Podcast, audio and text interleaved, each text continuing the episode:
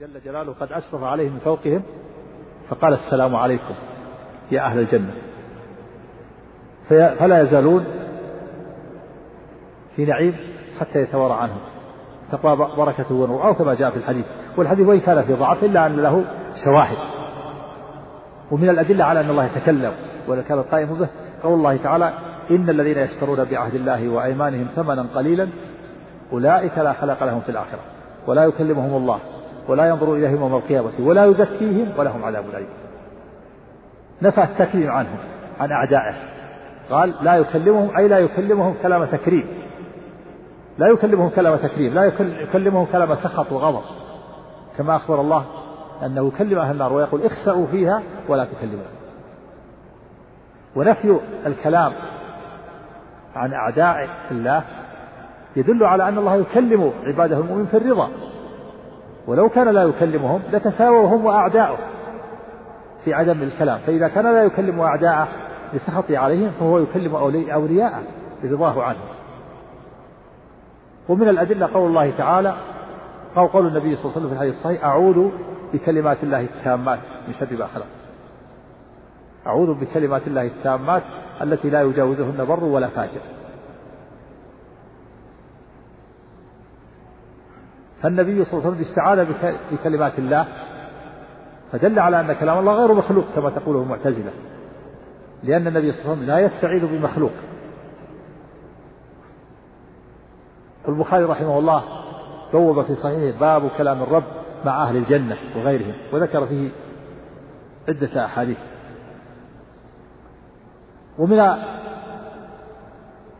الأدلة العقلية على أن الرب يتكلم والكلام قائم به أن الكلام صفة كمال أن الكلام صفة كمال.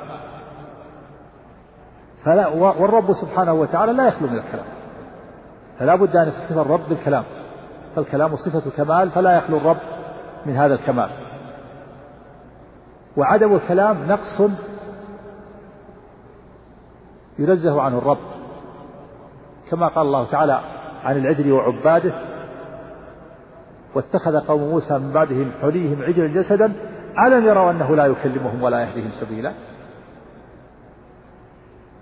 وقال في الآية الأخرى أفلا يرون ألا يرجع إليهم قولا ولا يملك لهم ضرا ولا نفعا؟ فاستدل فدل على أن عدم الكلام نقص يستدل به على عدم ألوهية على عدم ألوهية العجل. فالعجل ما يتكلم. بنو إسرائيل عبدوا العجل. قال الله تعالى أفلا يرون ألا يرجع إليهم قولا؟ ألم يروا أنه لا يكلمهم؟ هذا نقص يستدل به على عدم ألوهيته. فنفي رجوع القول يدل على عدم ألوهية العجل. وبنو إسرائيل سكتوا ما قالوا إن الله لا يتكلم. فهم بهذه بهذه الخصلة أحسن من المعتزلة. المعتزلة قالوا إن الله لا يتكلم والكلام مخلوق. وأما بنو إسرائيل الذين عبدوا العجل ما قالوا ربك لا يتكلم. لما قال لما قيل لهم إن العجل لا يتكلم ما قالوا ربك لا يتكلم؟ فكانوا في هذه الخصلة أحسن من المعتزلة. ومن الأدلة على أن كلام الله قديم النوع حادث الآحاد قول الله تعالى ما يأتيهم من ذكر من ربهم محدث إلا استمعوه وهم يلعبون. وفي الآية الأخرى ما يأتيهم من ذكر من الرحمن محدث. فقوله محدث صريح في حدوث أحد كلام الله. ولا يلزم من ذلك أن تحل الحوادث في ذات الرب لأن كلام الله لا يماثل كلام المخلوقين. إنما كلام المخلوقين هو الذي يلزم منه الحدوث في ذواته. أما كلام الرب فلا يماثل كلام المخلوقين. ومن الأدلة أيضا على أن كلام الله آحاده حادثة. قول الله تعالى قد سمع الله قول التي تجادلك في زوجها وتشتكي إلى الله والله يسمع تحاوركما إن الله سميع بصير. فالله تعالى أخبر عن سماعه لكلام المجادلة بلفظ الماضي سمع. وهذا يدل على أن المجادلة والجدال الذي حصل كان قبل نزول الآية. ثم نزلت الآية بعد المجادلة. فدل هذا على نزول الآية وأن الرب تكلم بهذه الآية بعد حصول الحادثة وهي المجادلة. المرأة التي جاءت تجادل النبي صلى الله عليه وسلم في زوجها وهي خولة بنت حكيم لما ظهر منها قالت أشكو إلى الله صبية إن ضممتهم إلي ضاعوا أو إليه جاعوا وجعلت تجادل النبي صلى الله عليه وسلم. وقد ظهر فقال ما أراك إلا حرمت عليه وهي تجادله. فتقول ما أراك فيقول ما أراك إلا حرمت عليه فجعلت تشتكي إلى الله. وقد تشكو إلى الله. صبية أولادها الصغار. إن ظلمتهم إلي ضاعوا أو إليه جاعوا قالت عائشة رضي الله عنها إنه يخفى علي بعض كلام المرأة. سبحان من وسع سمعه الأصوات. لكن الله سمع كلامها من فوق سبع سماوات. وأنزل قد سمع الله قول التي تجادلك في زوجها وتشتكي إلى الله. فهذا دليل على أن آحاد كلام الله حادثة متى تكلم الله قد سمع الله؟ تكلم بعد حصول القصة بعد المجادلة. فهذا دليل على حدوث آحاد كلام الله وأن كلام الله وإن كان قديم النوع لكن أفراده حادثة. ومثل قول الله تعالى وإذ غدوت من أهلك تبوئ المؤمنين مقاعد للقتال والله سميع عليم. والله أخبر عن خروج نبيه صلى الله عليه وسلم أول النهار بلفظ الماضي قد غدوت وهذا يدل على سبق التبوء إلى الخبر يعني أن النبي صلى الله عليه وسلم خرج أول النهار وبوأ للمؤمنين مقاعد القتال ثم أنزل الله وإذ غدوت من أهلك تبوء المؤمنين مقاعد القتال فالتبوء والخروج سابق لنزول الآية. وهذا يدل على أن كلام الله أفراد حادثة ومثل قوله تعالى ولقد خلقناكم ثم صورناكم ثم قلنا للملائكة اسجدوا لآدم ثم تفيد الترتيب والتراخي. فالخلق والتصوير خلق آدم وتصويره سابق. ثم تكلم الله قال للملائكة اسجدوا لآدم. والأدلة في هذا كثيرة. والمعتزلة لهم شبه في قولهم إن, إن كلام الله مخلوق وهي موجودة الآن ومنتشرة وتدرس ترى مذهب الأشاعرة ومذهب المعتزلة يدرس الآن في بعض البلدان العربية ولهم ولهم مؤلفات.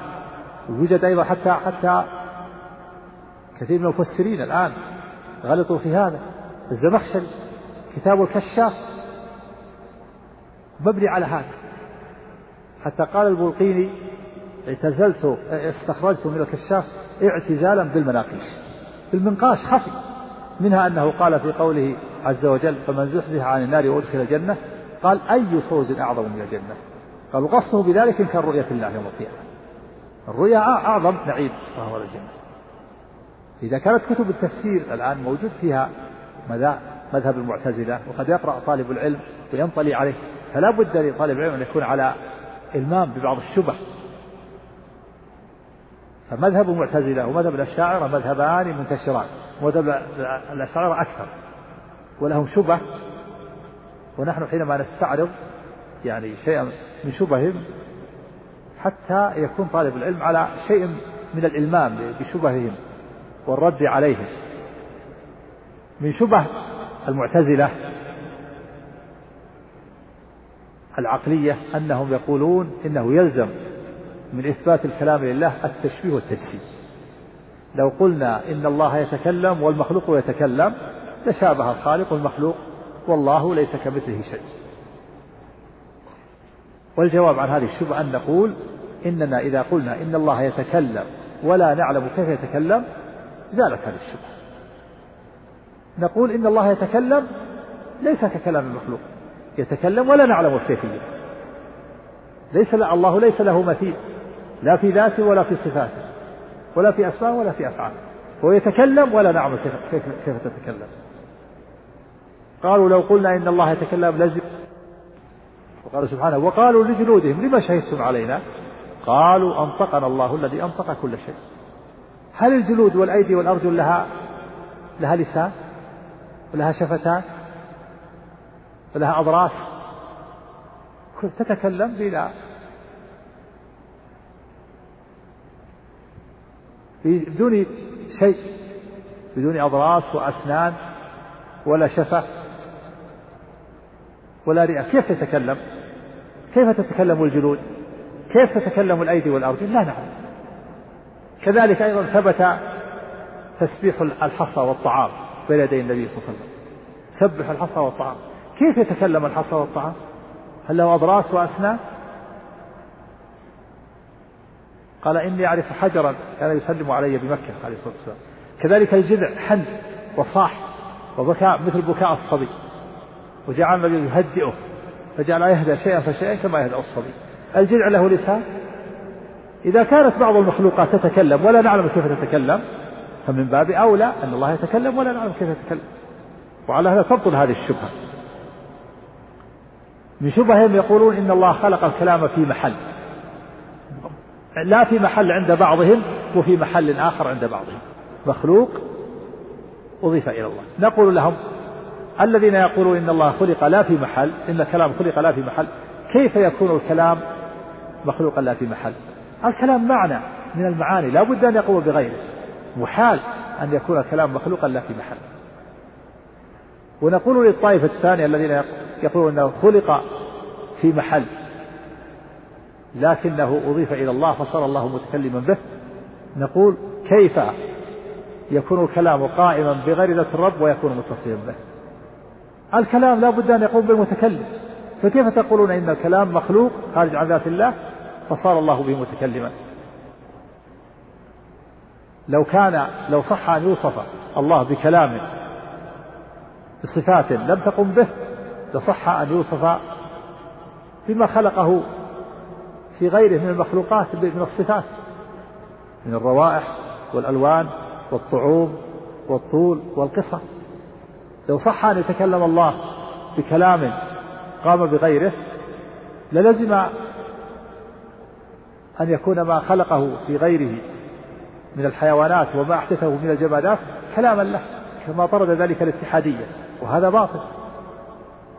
وكيف يوصف الله بصفة قامت بغيره؟ لو صح أن يوصف الله بالكلام بصفة قامت بغيره لو صح أن يوصف الشخص بصفة قامت بغيره لصح أن يقال للأعمى بصير ولا صح أن يقال للبصير أعمى. لأن الأعمى قام وصف البصر بغيره والبصير قام وصف العمى بغيره وهذا باطل. لو كان الكلام بدأ من الله أنه بدأ من غيره وصار به متكلما لكان قول فرعون أنا ربكم الأعلى صدقا وهذا باطل. ومن شبههم يقولون إن الكلام كلام الله مخلوق لكنه أضيف إلى الله إضافة تشريف. وتكريم. كما أن البيت بيت الكعبة أضيفت إلى الله للتشريف بيت الله. والناقة أضيفت إلى الله ناقة الله تشريف. والعبد عبد الله أضيف إلى الله تشريف.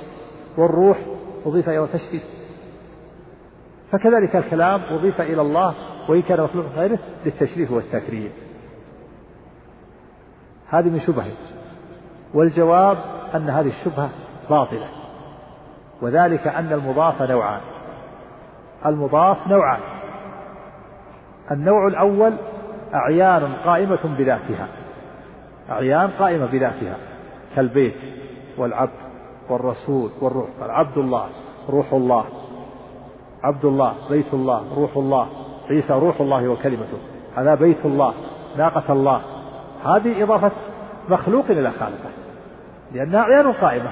البيت عين قائم بنفسه. الناقة عين قائمة بنفسها العبد قائم بنفسه الروح عين قائمة بنفسها. فإذا أضيفت إلى الله فهي إضافة المخلوق إلى خالقه وهي وهذه الإضافة للتشريف والتكريم. وتقتضي هذه الإضافة التشريف والتكريم لما امتاز به ذلك المضاف من الصفات. النوع الثاني إضافة معان وأوصاف لا تقوم بنفسها كالعلم والقدرة والسمع والبصر والكلام هل هذه تقوم بنفسها؟ هل الكلام قائم ذات قائم بنفسه؟ هل العلم ذات قائم بنفسه؟ هل السمع هذه إضافة صفة إلى موصوف إضافة معان إلى الموصوف إضافة معان إلى الموصوف وتقتضي هذه الإضافة اتصاف الموصوف بهذه الصفات وقيامها به وهذا فرق بديهي لا ينكره إلا من أنكر المحسوسات. هذه من أبرز الشبه التي يشبه بها المعتزلة الذين يقولون إن القرآن كلام إن القرآن ليس كلام الله وإنما هو مخلوق خلقه في غيره فصار به متكلما. وبهذا القدر نكتفي ونسأل الله للجميع العلم النافع والعمل الصالح. صلى الله على محمد وآله وصحبه وسلم. بسم الله الرحمن الرحيم الحمد لله والصلاة والسلام على رسول الله يقول السائل فضيلة الشيخ أليس من الغلط نفي قيام الحوادث بالرب جملة لاحتمال هذا اللفظ لمعنى حق كما يحتمل معنى باطلا أليس أعد ليس أليس من الغلط نفي قيام الحوادث بالرب جملة لاحتمال هذا اللفظ لمعنى حق كما يحتمل معنى باطلا وعلى هذا فعلى من ينتسب إلى مذهب أهل السنة أن يستفصل عن المراد فإن أريد بحلول الحوادث أن الرب يشبه المخلوقين فإن هذا المعنى ينفى عن الرب سبحانه.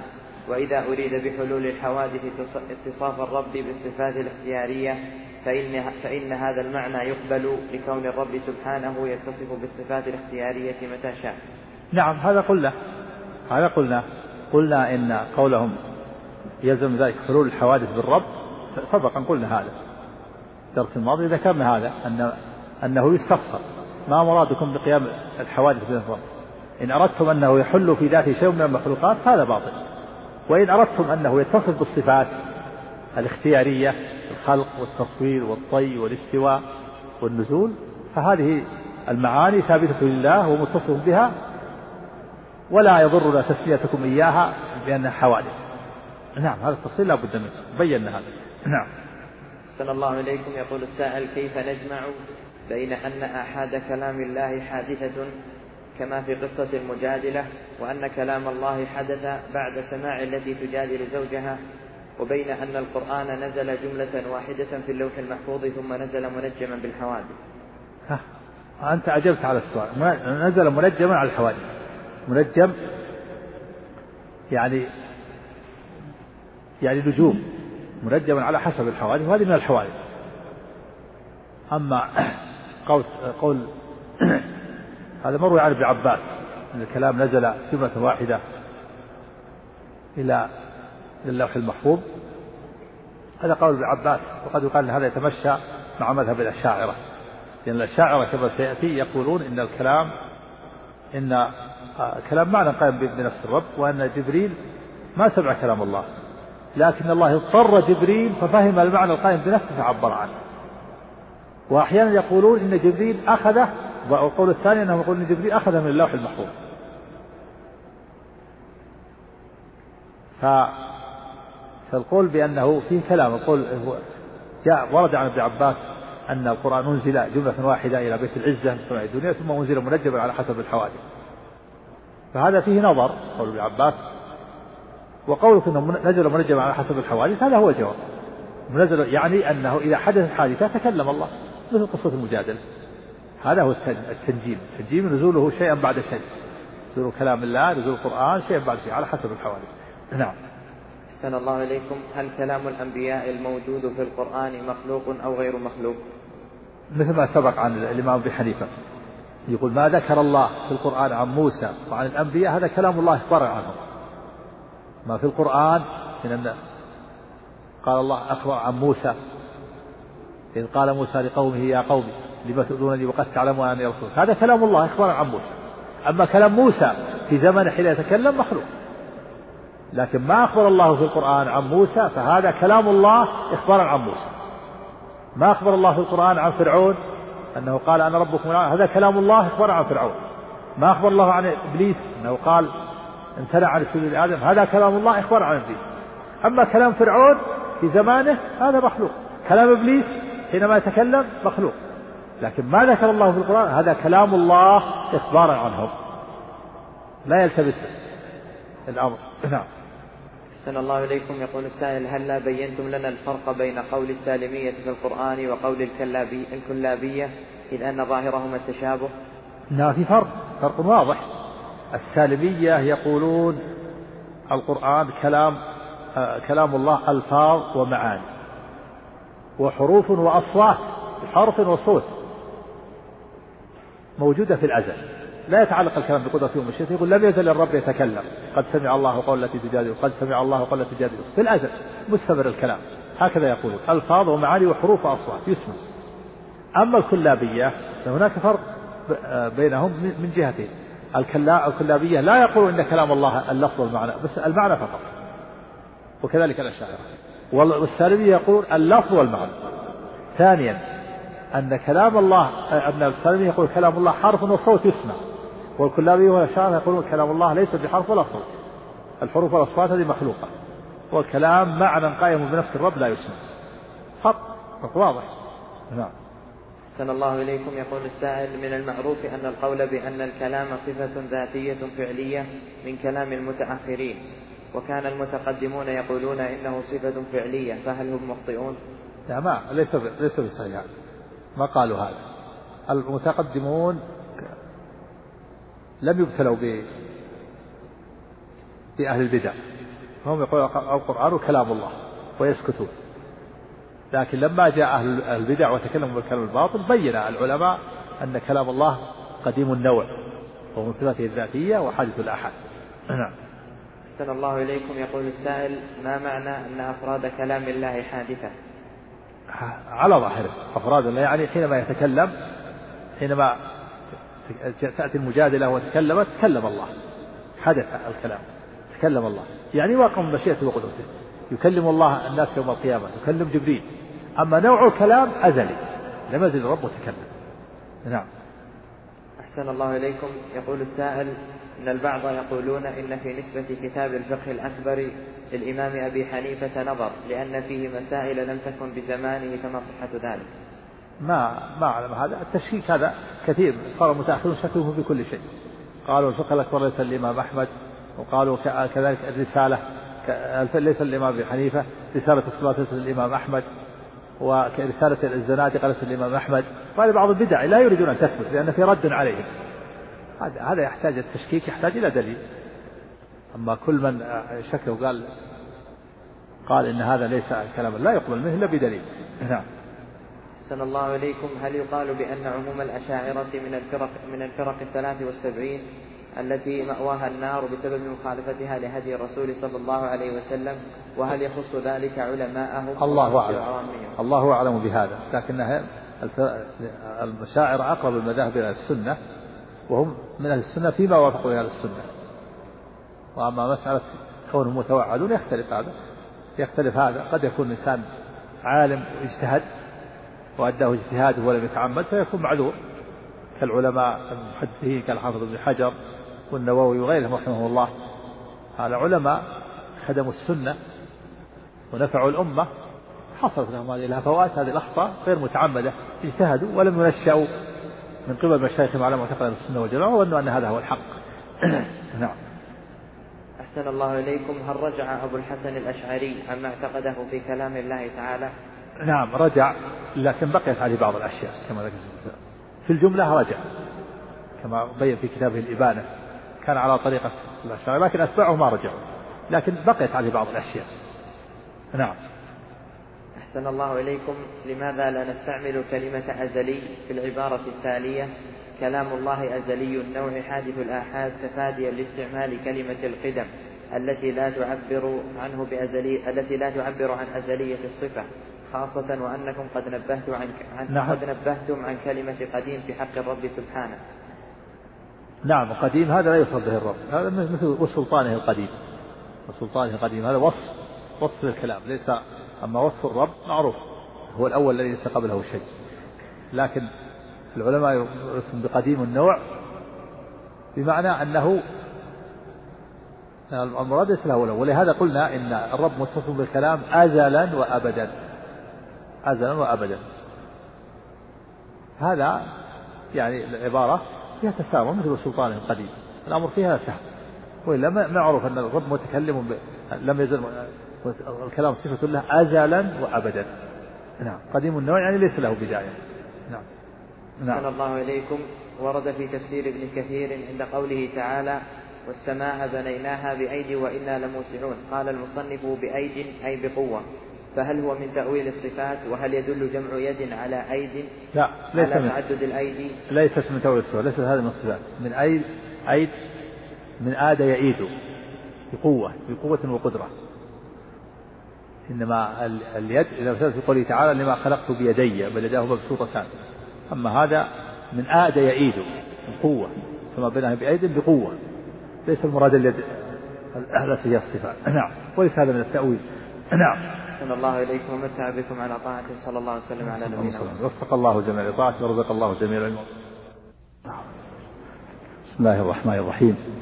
الحمد لله رب العالمين. والصلاة والسلام على أشرف الأنبياء والمرسلين نبينا محمد وعلى آله وصحبه أجمعين. أما بعد فلا زال الحديث موصولا عن صفة الكلام.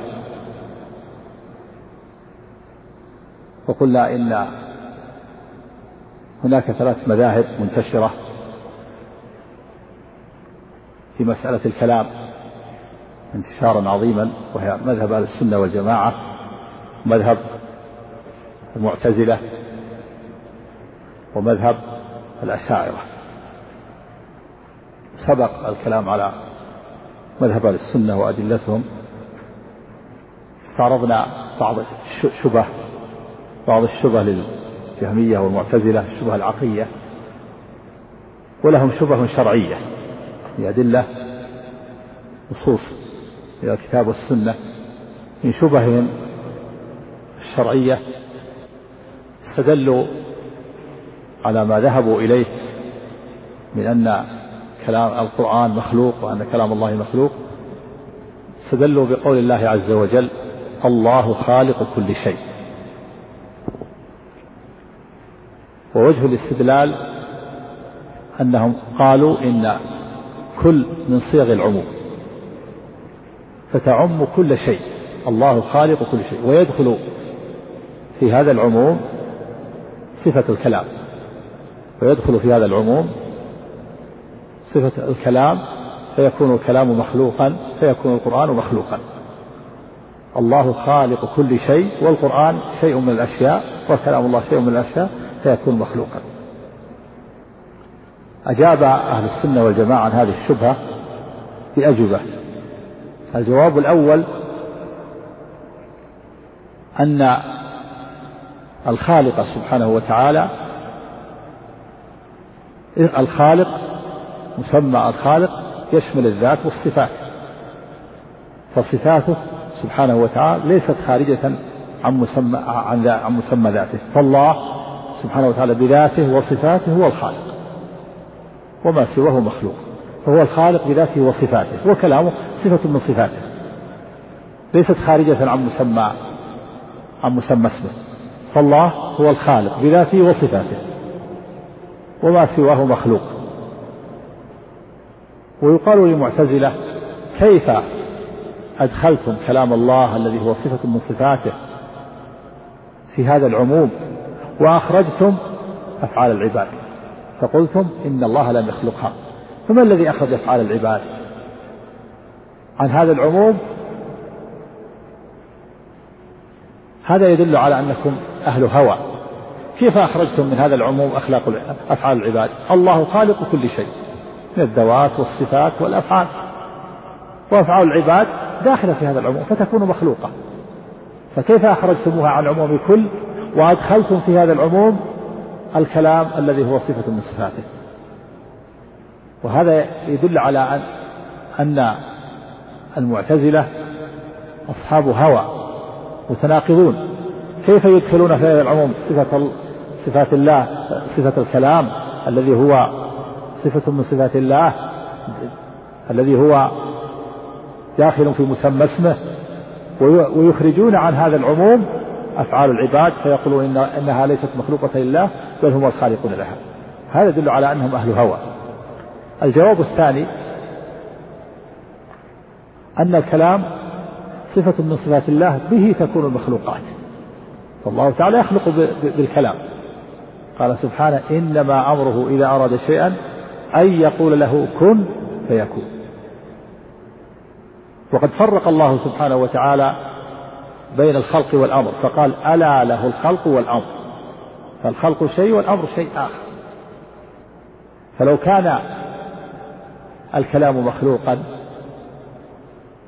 ولو كان الأمر مخلوقا للزم أن يكون مخلوقا بأمر آخر والآخر بآخر. إلى ما لا نهاية فيلزم التسلسل وهو باطل. وتبين بهذا أن الكلام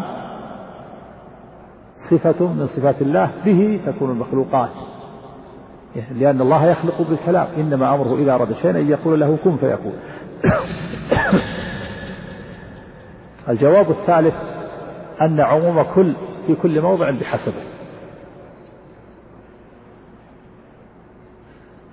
فلما قال الله عز وجل في الريح التي أهلك الله بها عاد تدمر كل شيء بأمر ربها. تدمر كل شيء. هذه من صيغ العموم لكن العموم في كل موضع بحسبه. بدليل أن هناك بعض الأشياء ما دمرتها ولهذا قال سبحانه فأصبحوا لا يرى إلا مساكنهم. فالمساكن ما دمرتها الريح ولا دمرت الريح السماء ولا الأرض. فالمعنى والله أعلم تدمر كل شيء يصلح للتدمير أو يستحق التدمير عادة. ومثله قول الله عز وجل عن ملكة سبع وأوتيت من كل شيء. وأوتيت من كل شيء. هناك أشياء ما ما أوتيتها. والمعنى والله أعلم وأوتيت من كل شيء يصلح للملوك. فكذلك عموم كل في هذا في هذه الآية الكريمة المراد الله خالق كل شيء مخلوق. كل شيء المراد به المخلوقات. ولا يدخل في ذلك صفات الله. لا يدخل في ذلك الكلام لأنه صفة من صفاته داخل في مسمى اسمه. الجواب الرابع أن فرد مذهب المعتزلة أن تكون جميع الصفات مخلوقة. من العلم والقدرة والحياة وهذا صريح الكفر. يعني طرد مذهبهم أن يقولوا كل الصفات مخلوقة. أليس الكلام صفة من صفات الله؟ فإذا كان الكلام مخلوق إذا يلزمكم أن تقولوا إن جميع الصفات مخلوقة. العلم والقدرة والحياة ومن قال إن حياة الله مخلوقة فهو كافر كفرا صراحا. فإذا طرد طرد مذهبهم يوصل إلى الكفر. لكنهم لا يلتزمون بهذا. لو التزموا لكانوا كفارا صرحاء. ومن شبههم الشرعية استدلوا بها قول الله تعالى إنا جعلناه قرآنا عربيا. لعلكم تعقلون. إنا جعلناه قرآنا عربيا. قالوا جعل بمعنى خلق. والمعنى إنا خلقناه قرآنا عربيا وهذا يدل على أن القرآن مخلوق.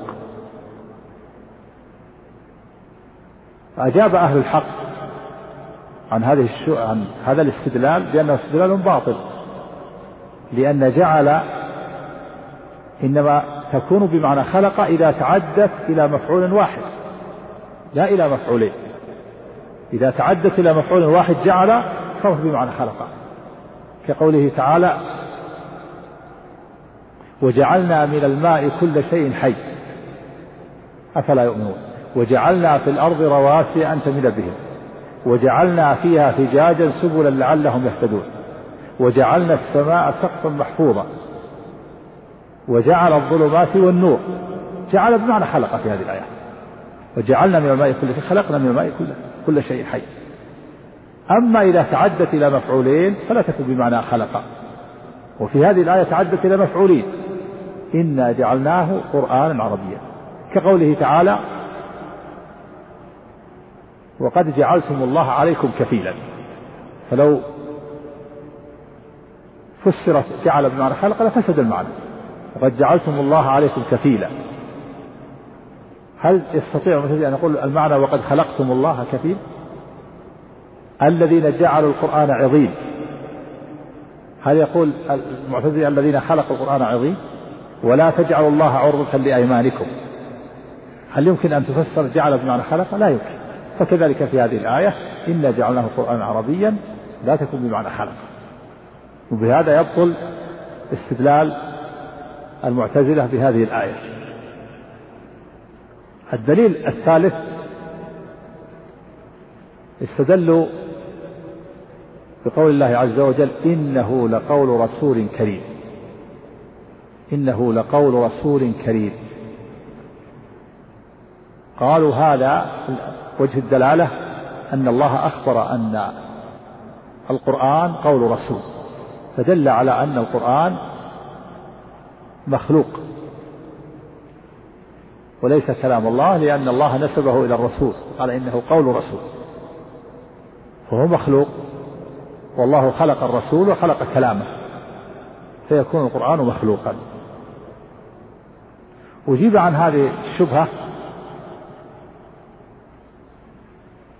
بأجوبة الجواب الأول أن أنه أن الله تعالى قال قول رسول والرسول إنما يبلغ عن المرسل. فلم يقل إنه قول نبي بل قال قول رسول. الرسول لا ينشئ الكلام وإنما يبلغ كلام غيره. فدل على أن الكلام كلام الله والرسول يبلغ كلام الله. إنه لقول رسول. الرسول يبلغ عن المرسل. ولهذا لم يقل إنه قول نبي. الجواب الثاني أن الرسول جاء في موضعين من كتاب الله عز وجل. في موضع في سورة التكوير. إنه لقول رسول كريم ذي قوة عند ذي العرش مكين. وهذا المراد به الرسول الملكي وهو جبريل. وجاء في سورة الحاقة إنه لقول رسول كريم وما هو بقول شاعر قليلا ما تؤمنون ولا بقول كاهن قليلا ما تذكرون. وهذا المراد به الرسول البشري وهو محمد عليه الصلاة والسلام. أي أي الرسولين أحدث نظم القرآن؟ أي الرسولين على زعمكم أيها المعتزلة أحدث نظم القرآن؟ إن أحدثه محمد امتنع أن يحدثه جبريل وإن أحدثه جبريل امتنع أن يحدثه محمد. وهذا يدل على بطلان قولكم. هذا يدل على أن المراد أنه, أنه أن الرسول مبلغ. والله تعالى تكلم بالقرآن وسمعه جبرائيل وبلغه إلى محمد. ثم قرأه محمد وبلغه الأمة. رابعا أن أنه قال في وصفه مطاع ثم أمين في سورة التكوير والأمين ووصفه بالأمانة يدل على أنه يبلغ ما أرسل به كما كما أنزل. لا يزيد ولا ينقص فجبريل يبلغه كما سمعه من الله عز وجل. لأن الله وصفه بالأمانة. وصف الأمانة يقتضي أنه مؤتمن على ما أرسل به. لا يزيد فيه ولا ينقص منه. خامسا أن أو رابعا أن قولكم إنه إن قول المعتزلة إن جبريل إن محمد أحدث نظم القرآن يجعله داخلا هذا القول يجعله داخلا في الوعيد الذي توعد الله به الوليد بن المغيرة الذي قال الله عنه إنه فكر وقدر فقتل كيف قدر ثم قتل كيف قدر ثم نظر ثم عبس وبسر ثم أدبر واستكبر فقال إن هذا إلا سحر يؤثر إن هذا إلا قول البشر سأصليه سقر. الله تعالى توعد من قال إن هذا القرآن قول البشر بأن يصليه سقر. فمن قال إن القرآن قول محمد ومحمد بشر عليه الصلاة والسلام فهو داخل في هذا الوعيد. فيكون معتزلة داخلين في, في هذا الوعيد.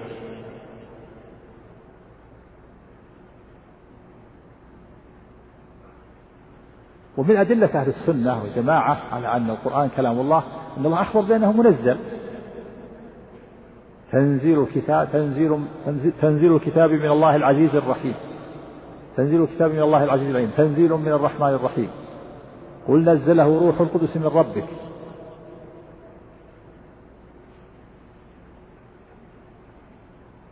فهذا فهذه النصوص صريحة في أن القرآن منزل.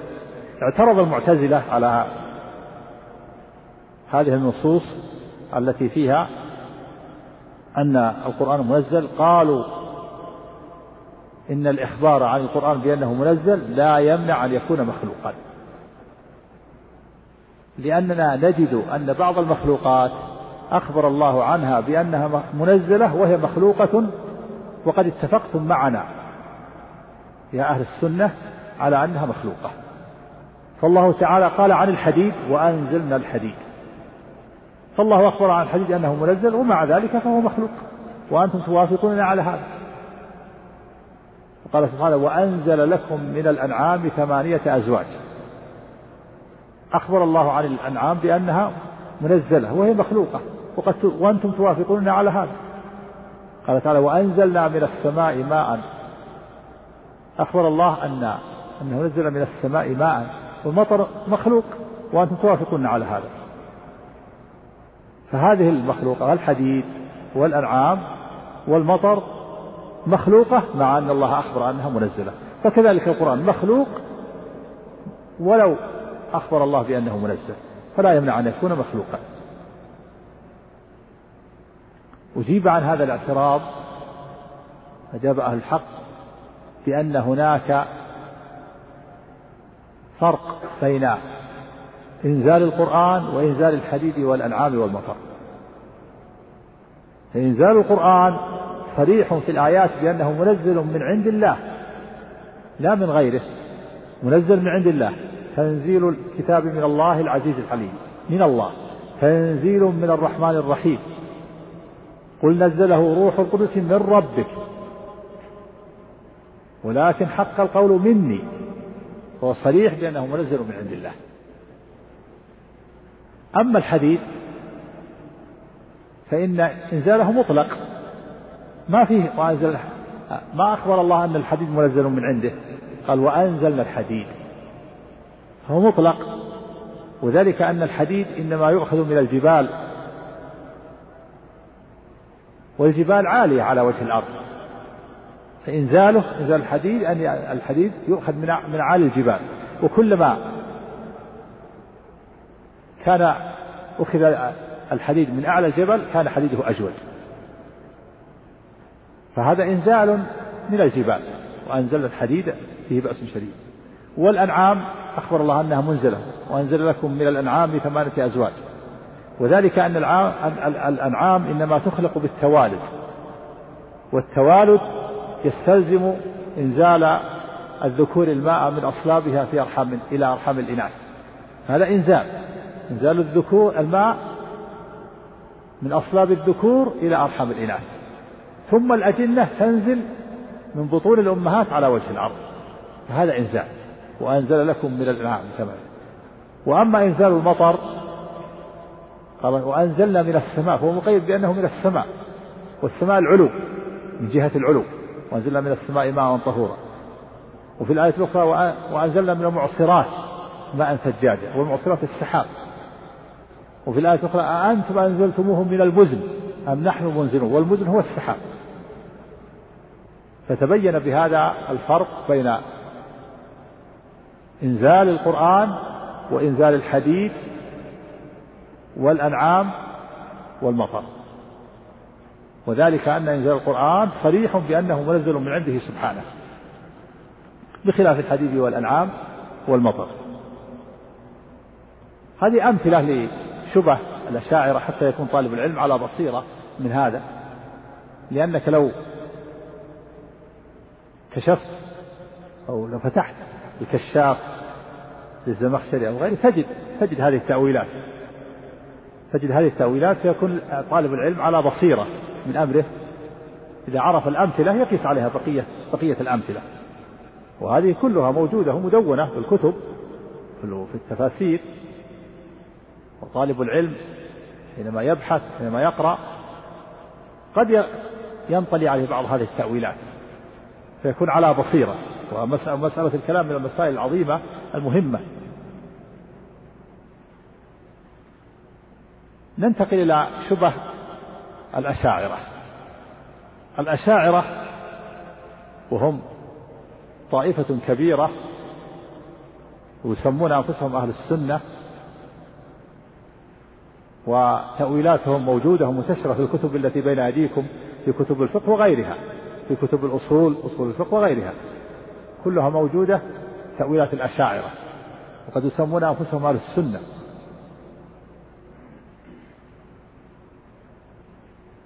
وهم ينافسون أهل السنة في كثير من الأزمان. فلا بد للمسلم لطالب العلم أن يكون على إلمام بحقيقة مذهب الأشاعرة و وبيان بعض الشبه التي يركزون عليها. حقيقة مذهب الأشاعرة في كلام الله عز وجل والقرآن يقولون إن كلام الله معنى قائم بالنفس ليس بحرف ولا صوت معنى قائم بنفس الرب عز وجل. والله تعالى لا يسمع منه كلام بل الكلام معنى قائم بنفسه لا يسمع. وأما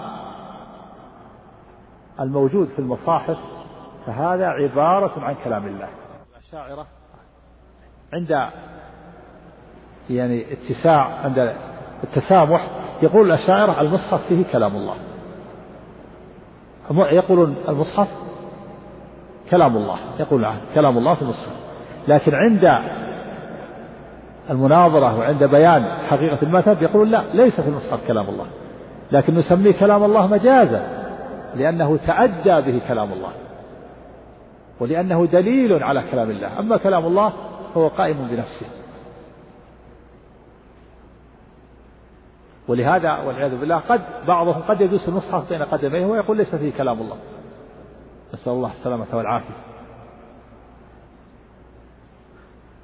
فإذا حقيقة مذهب الأشاعرة أن كلام الله معنى قائم بنفسه.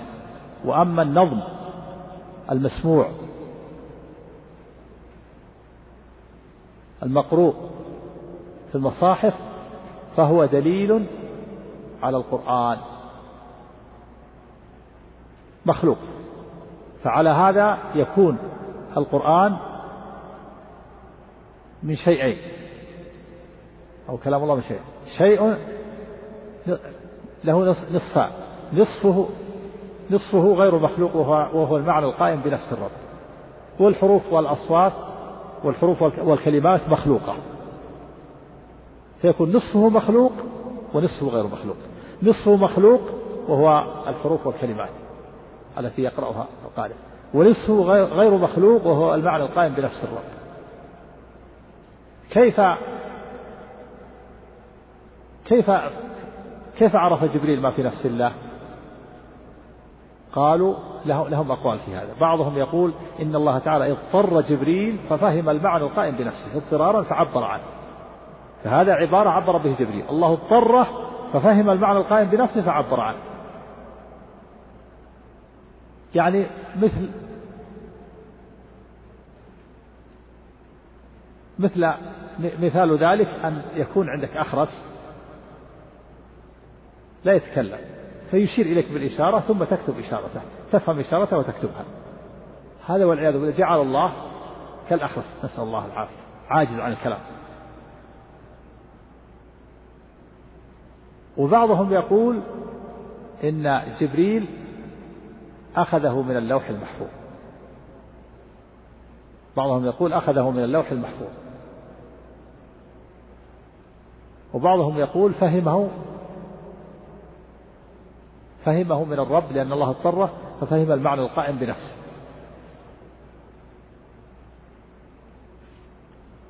فإذا حقيقة مذهب الأشاعرة أن نصفه مخلوق وهو الحروف والكلمات ونصفه غير مخلوق وهو المعنى القائم بالنفس. وهذا يوافق نصف مذهب المعتزلة. المعتزلة يقولون القرآن مخلوق لفظه ومعناه. اللفظ والمعنى مخلوق. والأشاعرة يقولون معناه غير مخلوق ولفظه مخلوق.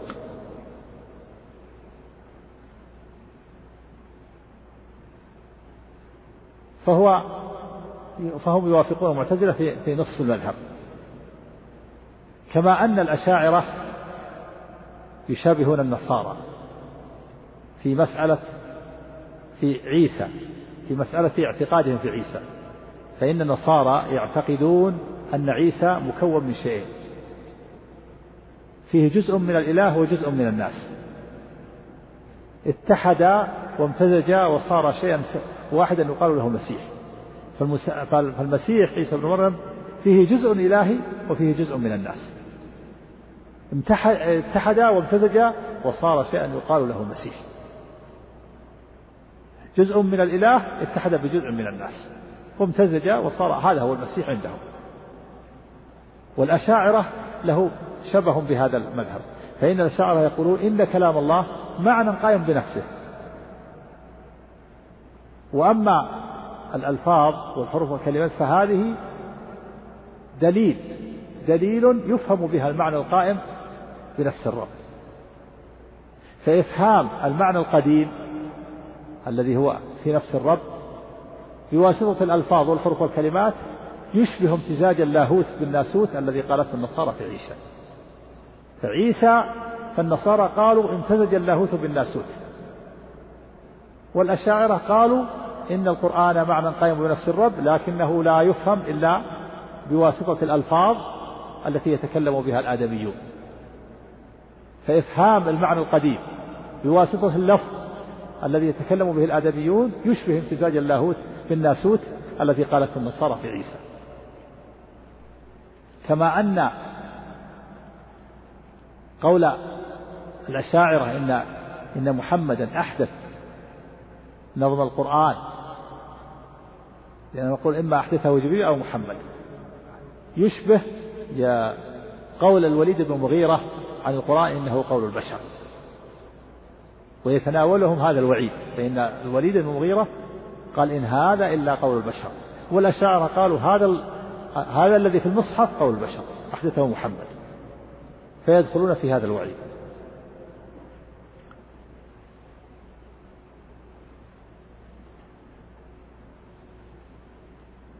من أدلة الأشاعرة على أن القرآن معنى قائم بالنفس لا يسمع ليس بحرف ولا صوت ولا لفظ استدلوا بقول الله تعالى ويقولون في أنفسهم لولا يعذبنا الله بما نقول. ويقولون في أنفسهم لولا يعذبنا الله بما نقول. حسبهم جهنم يصلنا في البسمة ويقولون قالوا وجه الدلالة أن الله قال ويقولون في أنفسهم. فدل على أن القول إنما يكون في النفس. ويقولون في أنفسهم. دل على أن القول إنما يكون في النفس وأما الألفاظ والحروف والأصوات فليست من القول لأن الله قال ويقولون في أنفسهم. فدل على أن كلام الله معنى قائم بنفسه. وأجيب عن هذا الاستدلال بجوابين. الجواب, الجواب الأول جواب بالمنع والجواب الثاني جواب بالتسليم. الجواب الأول جواب بالمنع وهو أن نقول نمنع. أن يكون المراد في الآية في قوله ويقولون في أنفسهم المعنى القائم بالنفس وإنما المراد القول سرا. يقولون في أنفسهم يعني يقولون سرا يتكلمون بألسنتهم سرا. كما قاله أكثر المفسرين وذلك أنهم أن اليهود كانوا يأتون إلى النبي صلى الله عليه وسلم فيقولون سام عليك. والسام الموت. وهم يظهرون أنهم يقول السلام ويحذفون اللام ويقول سام عليك عن الموت. ثم فإذا خرجوا من عند النبي صلى الله عليه وسلم قال بعضهم لبعض سرا لو كان نبيا عذبنا بقولنا له ما نقول. فأنزل الله ويقولون في أنفسهم لولا يعذبنا الله بما نقول. يعني يقولون سرا فيما بينهم وبينها بينهم وبين بعضهم إذا خرجوا من عند النبي صلى الله عليه وسلم. لو كان نبيا لعذبنا بقولنا ما لأن نقول سام عليه وهذا هو الذي عليه أكثر المفسرين. ويؤيده ما ثبت في الصحيحين في الحديث القدسي أن النبي صلى الله عليه وسلم قال من ذكرني في نفسه ذكرته في نفسي. ومن ذكرني في ملأ ذكرته في ملأ خير منه. من ذكرني في نفسه معناه تكلم سرا. ذكر الله سرا بدليل قوله من ذكرني في ملأ من ذكرني في نفسه يعني سرا ذكرته في نفسه ومن ذكرني في ملأ ذكرته في ملأ خير منه. الجواب الثاني جواب بالتسليم وهو أن نقول سلمنا جدلا ومعنى التسليم أن توافق الخصم من هذه الجهة لترد عليه من جهة أخرى. هذا معنى التسليم معنى التسليم يعني أن توافق الخصم على ما يقوله من هذه الجهة لترد عليه من جهة أخرى. مثل الفارس الذي يأتي إلى العدو وقد تحصن بحصن فينصرف يوهم العدو أنه انهزم فإذا خرج العدو كر عليه فضربه. وذلك أن نقول الجواب الثاني جواب التسليم. سلمنا أن قوله تعالى ويقولون في أنفسهم قول في النفس وأنه ليس فيه حروف ولا كلمات. سلمنا جدلا لكنها لكن الآية مقيدة بأنه قول في النفس. وإذا قيد القول بأنه في النفس تقيد. قيد مقيد. إذا قيد تقيد. ويقولون في أنفسهم. ونظيره الحديث الصحيح. إن الله عفى لأمتي عما حدثت به أنفسها ما لم تتكلم أو تعمل. فإذا قيد القول بأنه في النفس تقيد. لكن هل قيد كلام الله بأنه في النفس؟ وكلم الله موسى تكريما هل قال الله وكلم الله موسى في نفسه؟ وكلمه ربه. قال وكلمه في نفسه؟ فإذا قيد القول بأنه في النفس تقيد. أما إذا لم يقيد فلا فلا يكون القول بالنفس. فلا يكون قولا بالنفس وإنما يكون قولا يتكلم به المتكلم حروف وألفاظ وكلمات. ومن الأدلة التي يركز عليها الأشاعرة وهي منتشرة موجود في الكتب الاستدلال ببيت من الشعر منسوب إلى الأخطل إن الكلام لفي الفؤاد وإنما. جعل اللسان على الفؤاد دليلا. إن الكلام لفي الفؤاد وإنما جعل اللسان على الفؤاد دليلا. وجه الدلالة قالوا إن هذا بيت عربي والقرآن نزل بلغة العرب وأثبت الشاعر العربي أن أن الكلام إنما يكون في الفؤاد أي في النفس. وأما ما يكون اللسان من الحروف والكلمات واللفظ فهذا دليل على الكلام الذي في النفس. فدل على أن كلام الله ما قائم بنفسه ليس بحرف ولا صوت. إن الكلام لفي الفؤاد وإنما جعل اللسان على الفؤاد دليلا. الكلام في الفؤاد يعني في النفس. وأما اللسان فهو دليل على ما في الفؤاد. والقرآن نزل بلغة العرب وهذا شاعر عربي أثبت أن الكلام إنما يكون في النفس وأما الألفاظ والحروف والأصوات فهي دليل عليه. فدل هذا على أن كلام الله معنى قائم بنفسه ليس بحرف ولا صوت. وهذا هو هو الذي نقرره. هكذا يقول الأشاعرة. أجاب أهل الحق عن هذا الاستدلال في أجوبة. الجواب الأول أن لا نسلم أن هذا البيت للأخطل. فهذا البيت مصنوع واختلق لا يوجد في ديوان الأخطل وكثير من النحويين ينكرون نسبته إليه فكيف تستدلون ببيت مصنوع مختلق لا أساس له من الصحة؟ منسوب نسبة منسوب إلى الأخطل خطأ غلط. أنتم نسبتموه إلى الأخطل وإلى الأخطل ما قاله بدليل أنه لا يوجد في ديوانه. وبدليل أن النحاة وأهل أنكروا نسبته إليه. وبهذا يبطل استدلال تصنعون بيتا ثم تستدلون به على كلام الله وكلام رسوله هذا الجواب الأول. الجواب الثاني سلمنا. وهذا التسليم كما سبق من جهة للرد من جهة أخرى. سلمنا صحة البيت وأن الأخطل قاله لكنه قول واحد. قول واحد من أهل اللغة فلا يقبل حتى يوافقه أهل اللغة. وإذا كان حديث رسول الله صلى الله عليه وسلم لا يقبل حتى يصح سنده وتعدل رواته ولا يكون شاذا ولا معللا فكيف ببيت من الشعر؟ لا يدرى من قاله. كيف ببيت من الشعر؟ قاله واحد. بيت من الشعر قاله واحد لكن ما وافقه أهل اللغة. فيكون شاذ. حديث الرسول عليه الصلاة والسلام إذا جاء مخالفا للأصول صار علة ما يقبل. لأن من شرط الصحيح أن يكون السند متصل وأن تكون الرواة عدول ثقات. وألا يكون الحديث شاذ ولا معلل وهذا بيت شاذ. لا يقبل. الجواب الثالث سلمنا صحة البيت. وسلمنا نسبته إلى الأخطاء. وسلمنا قبول أهل اللغة له.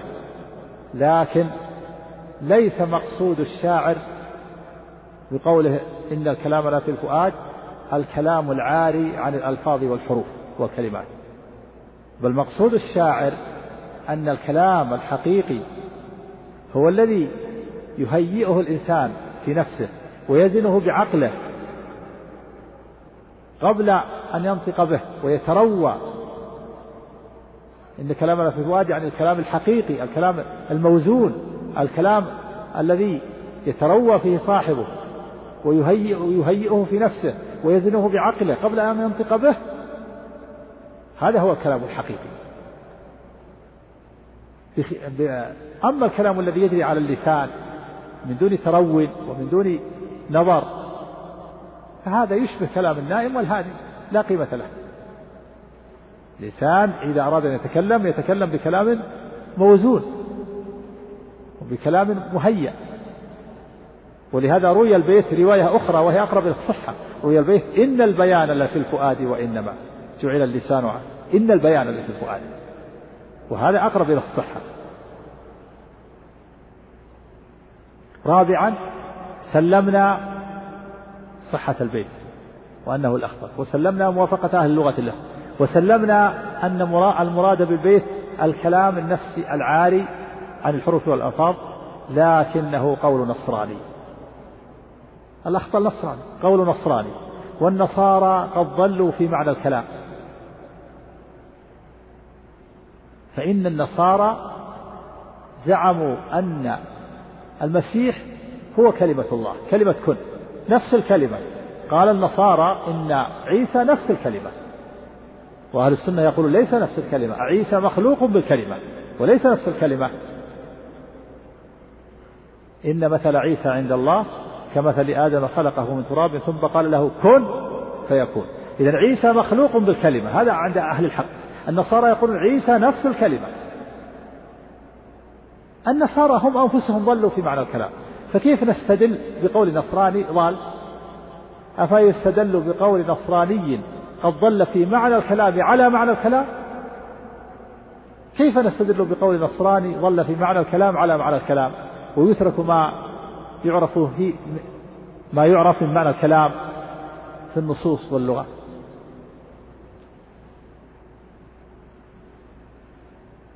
خامسا أو سادسا سلمنا جدلا الاستدلال بقول النصارى.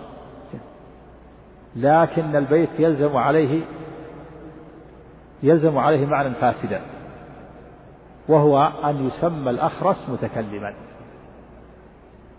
يلزم على البيت لو سلمنا الاستدلال به معنى فاسدا وهو تسمية الأخرس متكلما لقيام الكلام بنفسه وإلا ننطق به. يلزم عليه أن يسمى الأخرس متكلما لقيام الكلام بنفسه وإلا ننطق به. والأخرس لا يسمى متكلما. لا شرعا ولا عقلا ولا لغة ولا حسا وبهذا يبطل استدلال الأشاعرة بهذا البيت. ومما ناقش به أهل الحق الأشاعرة أنهم قالوا الأشاعرة يقولون إن الكلام معنى واحد لا يتعدد ولا يتجزأ ولا يتكثر معنى واحد. والتعدد والتكثر والتجزؤ في الدلالات والعبارات.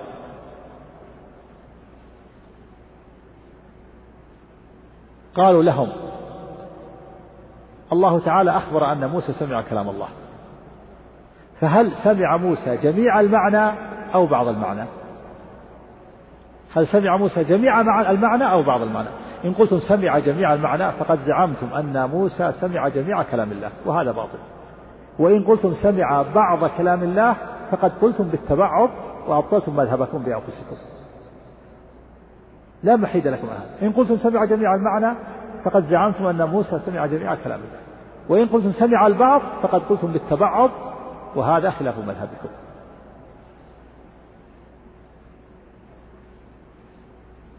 ومن المناقشات أن يقال لو كان الكلام معنى قائم بالنفس كما تزعمون أيها الأشاعرة وأن وأن الدلالات والعبارة هي التي تختلف للزم على ذلك ملازيم فاسدة. منها أولا أن يلزم يلزم على قولكم إن الكلام معنى قائم بالنفس وأنه لا يتعدد ولا يتبعض أن يكون معنى قوله وأقيموا الصلاة هو معنى قوله ولا تقربوا الزنا. وأن يكون معنى آية الدين هو معنى آية الربا. وأن يكون معنى قل هو الله أحد هو معنى تبت يدا وهذا باطل ثالثا لو كان الكلام معنى قائم بالنفس وأن المصحف ليس فيه شيء من كلام الله لجاز للمحدث مس المصحف وهذا خلاف ما أجمع عليه الأئمة الأربعة أنه يجب على على المحدث أن يتوضأ لمس المصحف كما جاء في الحديث الذي كتبه النبي صلى الله عليه وسلم لعبد بن حزم أن لا يمس القرآن إلا طاهر. فلو كان المصحف ما فيه كلام الله لجاز للمحدث مس لو كان القارئ ما يقرأ كلام الله لجاز للجنب أن يقرأ وهو لم يغتسل. وكذلك الحائض عند كثير من الفقهاء على الخلاف في المسألة. لو كان الكلام معنى قائم بالنفس للزم أن يسمى الأخرس متكلما. والأخرس لا يسمى متكلما. ويقال للأشاعرة النصوص الكثيرة تبطل قولكم إن الكلام معنى قائم بالنفس. إن كلام الله معنى قائم بنفسه. منها قول الله تعالى قل لئن اجتمعت الإنس والجن على أن يأتوا بمثل هذا القرآن لا يأتون بمثله ولو كان بعضهم لبعض ظهيرا. الإشارة إلى أين تعود؟ قل لئن اجتمعت الإنس والجن على أن يأتوا بمثل هذا القرآن. هل الإشارة تعود إلى ما في نفس الله أو تعود إلى القرآن المتلو والمسموع المكتوب في المصاحف. لا شك إلى أنها أن الإشارة تعود إلى القرآن المتلو في المصاحف. المتلو بالألسن المكتوب في المصاحف. لأن ما في نفس الله غير مشار إليه. ما في نفس الله غير مشار إليه. ولا مثلو ولا مسموع. وكذلك يقول لا يأتون بمثله. الضمير يعود إلى نفس إلى ما في نفس الله أو إلى ما في هذا القرآن المتلو المكتوب في المصاحف. لا شك أنه يعود إلى ما في المصحف. لأن ما في نفس الله لا حيلة إلى الوصول إليه. فهو غير مثلو وغير مسموع. كذلك أيضا قول الله عز وجل وإن أحد من المشركين استجارك فأجره حتى يسمع كلام الله. صريح في أن الذي يسمعه المشرك كلام الله. ولم يقل ولم يقل حتى يسمع ما هو عبارة عن كلام الله كما تقولون. حتى يسمع كلام الله. دل على أن القاء السامع إنما يسمع كلام الله والقارئ إنما يقرأ كلام الله. ومن كذلك أيضا من الأدلة ما ثبت في الأحاديث الصحيحة. أن الله إن الله يحدث من حديث إن الله يحدث من أمره ما يشاء وإن مما أحدث ألا تكلموا في الصلاة. وحديث إن صلاتنا هذه لا يصح فيها شيء من كلام الناس. إنما هي تسبيح والتهليل وقراءة القرآن أو كما ورد.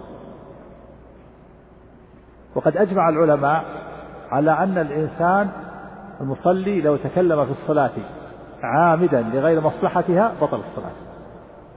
وقد أجمعوا أيضا على أنه لو حدث نفسه بشيء في صلاته وأن ما يقوم بالقلب من تصديق بأمور ما يقوم بالقلب من تصديق بأمور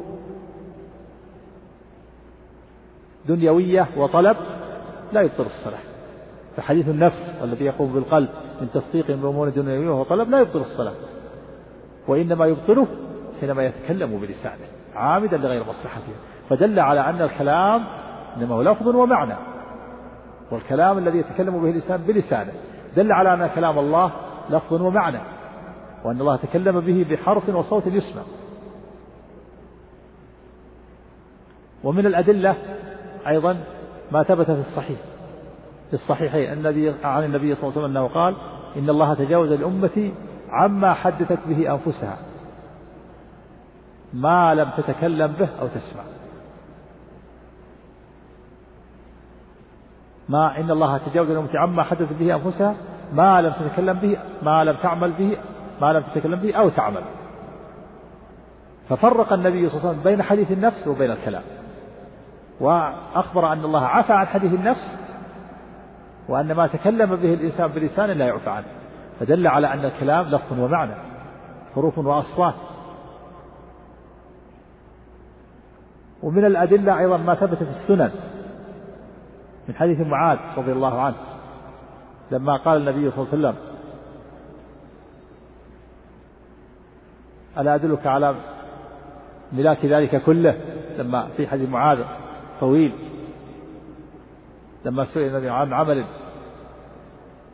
سأله الرجل عن عمل يدخل الجنة وهو بعد من النار قال لقد سألت عن عظيم وإنه ليسر على ما يسره الله عليه تعبد الله لا تشرك به شيئا وتقيم الصلاة وتؤتي الزكاة. ثم قال لا أخبرك بملاك ذلك كله ثم أخذ بلسان نفسه وقال كف عليك هذا. قال معاذ فقلت يا رسول الله وإنا لمؤاخذون بما نتكلم به. قال ثكلتك أمك يا معاذ. وهل يكب الناس في النار على وجوههم أو قال على مناخرهم إلا حصائد ألسنتهم؟ فأخبر النبي صلى الله عليه وسلم أن الإنسان إنما يؤاخذ بما يتكلم به بلسانه فدل على أن الكلام ألفاظ ومعاني حروف وأصوات. وكذلك كلام الله عز وجل تكلم به كلام الله اسم للمعنى واللفظ جميعا. والله تكلم به بحرف وصوت يسمع بهذا يتبين أن كلام الله معنى ولفظ. مسمى كلام الله المعنى واللفظ جميعا. وأن الله تكلم وأن كلام الله بحرف وصوت يسمع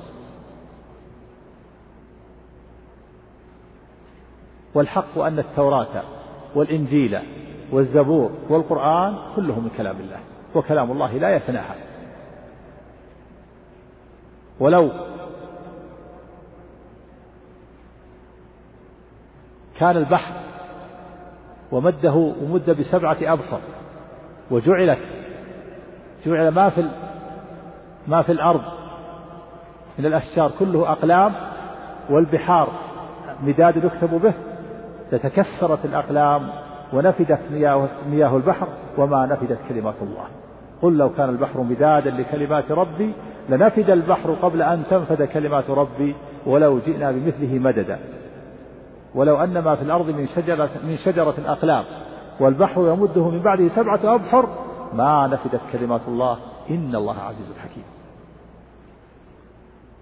فهذه المسألة مسألة الكلام مسألة عظيمة اشتد النزاع فيها بين أهل السنة وبين المخالفين لهم والتبس الأمر على كثير من الناس ولا سيما مذهب الأشاعرة ثم مذهب المعتزلة. فينبغي لطالب العلم أن يعتني بهذا الأمر وأن يعتني بالنصوص وأن يتأمل حينما يقرأ في الكتب حتى لا يلتبس عليه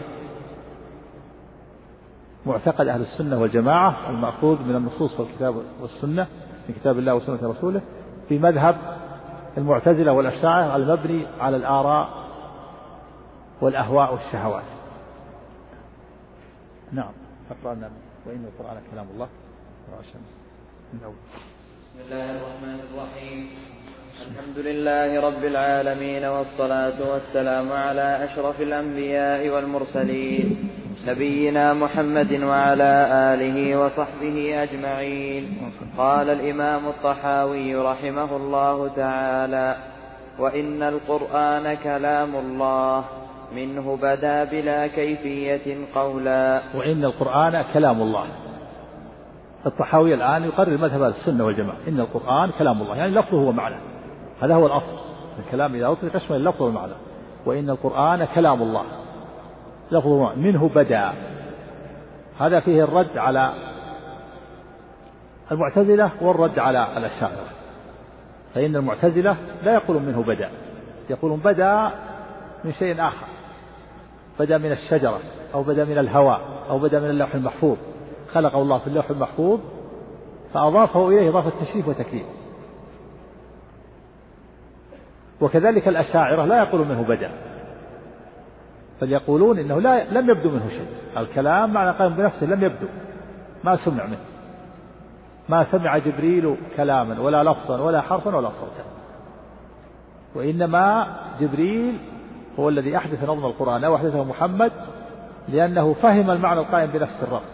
اضطره الله ففهم المعنى أو أن الله خلقه في الهواء وأخذه من الهواء أو أن جبريل أخذه من اللوح المحفوظ فلم يبدو من الله. قالوا منه بدا فيه الرد على المعتزلة والأشاعرة لأنهم يقولون لم يبدو الكلام من الله. بلا كيفية. يعني أن كلام الله لا يكيف صفة من صفاته كسائر صفاته. الاستواء والنزول والكلام والعلم والقدرة والسمع والبصر كلها لا تكيف. كما قال الإمام مالك رحمه الله لما سئل عن الاستواء قال الاستواء معلوم والكيف مجهول. كيفية الصفات لا نعلم. لا نعلم كيف يتكلم الله. لا نعلم. لا نعلم كيف نزول الرب. لا نعلم كيف استواءه. لا نعلم كيفية علمه. لا نعلم كيفية قدرته. بلا كيفية. منه بدا بلا كيفية. فقوله منه بدا هذا رد على المعتزلة والأشاعرة. بلا كيفية هذا بيان أن الصفات لا تكيف. بلا كيفية قولا قوله قول تأكيد. تأكيد وأن الله قاله وتكلم به قولا. وأن الله قاله وتكلم به وسمعه جبرائيل خلافا للمعتزلة القائلين بأن الله خلقه وخلافا للأشاعرة القائلين بأن جبريل هو الذي قاله أو محمد. والله لم يقل شيئا وإنما الكلام قائم بنفسه. هذا ما يقول بلا منه بدأ بلا كيفية قولا وأهل السنة يقولون القرآن منزل غير مخلوق منه بدأ وإليه يعود. الكلام منزل كلام الله منزل. قرآن كلام الله منزل نزله الله. تنزيل من الرحمن الرحيم. غير مخلوق كما تقوله المعتزلة. منه بدأ بدأ من الله كلم الله به. وإليه يعود إليه يعود في آخر الزمان. في آخر الزمان من أشراط الساعة الكبار التي تعقبها الساعة مباشرة. أشراط أشراط الساعة الكبار كما هي معروف عشر. أولها خروج خروج المهدي الذي يملك في آخر الزمان يبايع على في آخر الزمان اسمه اسم النبي صلى الله عليه وسلم. وكنيته كنيته أبو عبد الله محمد المهدي يملأ الأرض عدلا كما ملئت جورا. يبايع على في وقت ليس للناس فيه إمام. فيها أحاديث كثيرة. بعضها صحيح وبعضها ضعيف وبعضها موضوع فهي ثابت ثم يخرج الدجال في زمنه الذي يدعي الصلاح ثم يدعي النبوة ثم يدعي الربوبية. ثم ينزل عيسى بن مريم يقتله. ثم يخرج يأجوج ومأجوج. ثم بعد ذلك تتتابع أشراط الساعة تهدم الكعبة والعياذ بالله ثم يصلي الناس إلى الجهة ثم ينسوا الجهة وينزع القرآن من الصدور ومن السطور. في آخر الزمان إذا ترك الناس العمل به نزع نزع من صدورهم من صدور الرجال ونزع من المصاحف. فيصبح الناس لا يجدون في صدورهم آية ولا في مصاحفهم آية نعوذ بالله. إذا ترك الناس العمل به هذا من أشراط الساعة. ومنها الدخان الذي يملأ الأرض ومنها طلوع الشمس من مغربها ومنها الدابة ثم آخر ذلك نار تخرج من قعر عدن تسوق الناس إلى المحشر فهو شرط من أشراط الساعة.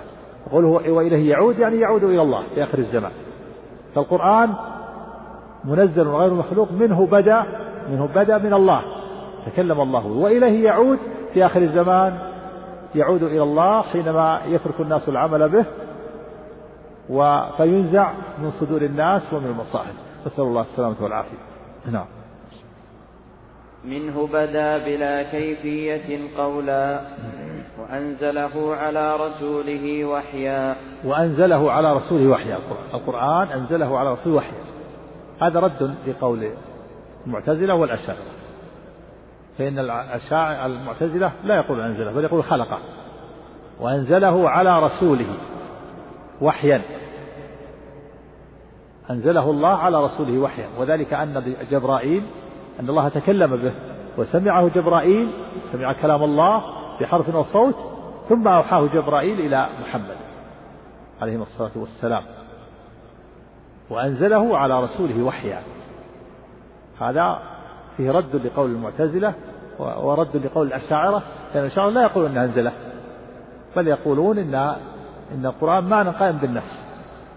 أما ما في المصاحف ما, ما في شيء منزل. عند الأشاعرة ما ليس هناك شيء منزل. إنما الموجود في المصاحف هذا أحدثه جبريل أو محمد. عبارة عن كلام الله. عبارة عما في نفس الله. نعم. وصدقه المؤمنون على ذلك حقا. نعم. صدقه المؤمنون.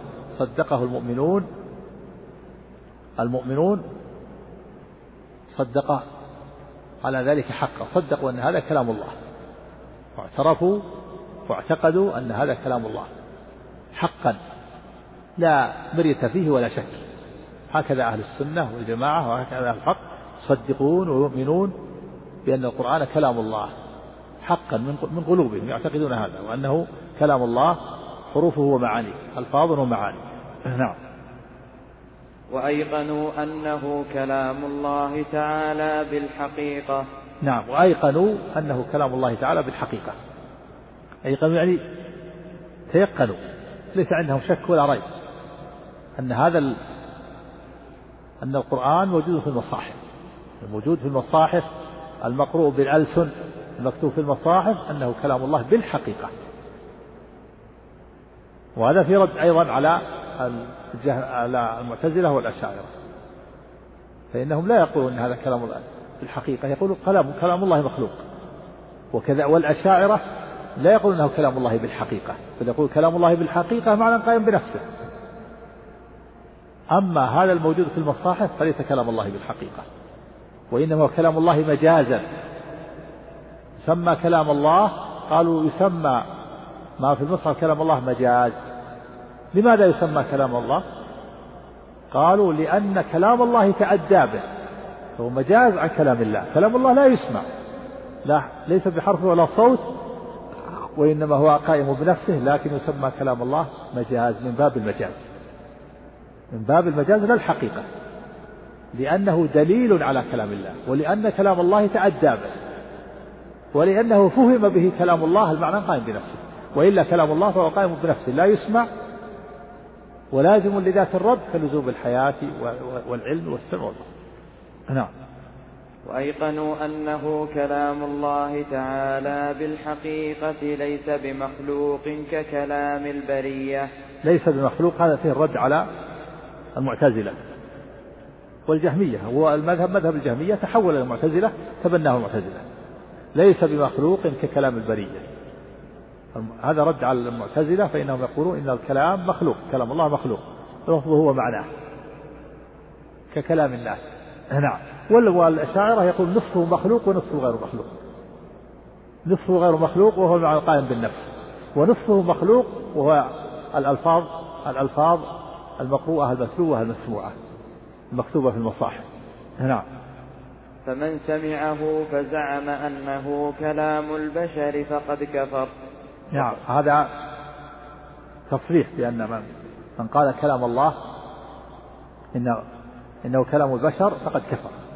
هذا إذا قاله من دون تأويل. إذا قال القرآن كلام الله القرآن كلام البشر كفر. من قاله من دون تأويل.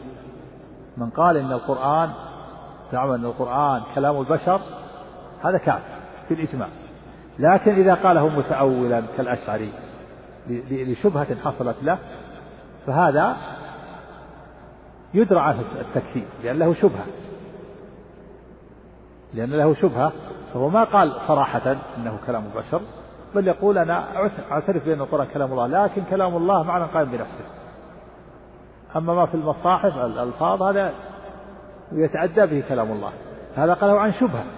ما قال بدون شبهة قال إن القرآن كلام البشر من قال إن القرآن ككلام البشر صراحة من دون شبهة هذا كافر. ومن قاله عن تأويل هذا يدرى عنه كفر. مثل مثال ذلك مثلا قال الله تعالى الرحمن على العرش استوى من قال إن الله لم يستوي على العرش بدون شبهة. هو كفر كافر. هذا رد كلام الله أنكر. الله يقول الرحمن على العرش استوى وهو يقول لم يستوي على العرش هذا كافر. بالإجماع لكن شخص يقول على العين والرأس أنا أؤمن هذه آية من كتاب الله الرحمن العرش استوى. لكن معنى استوى استولى.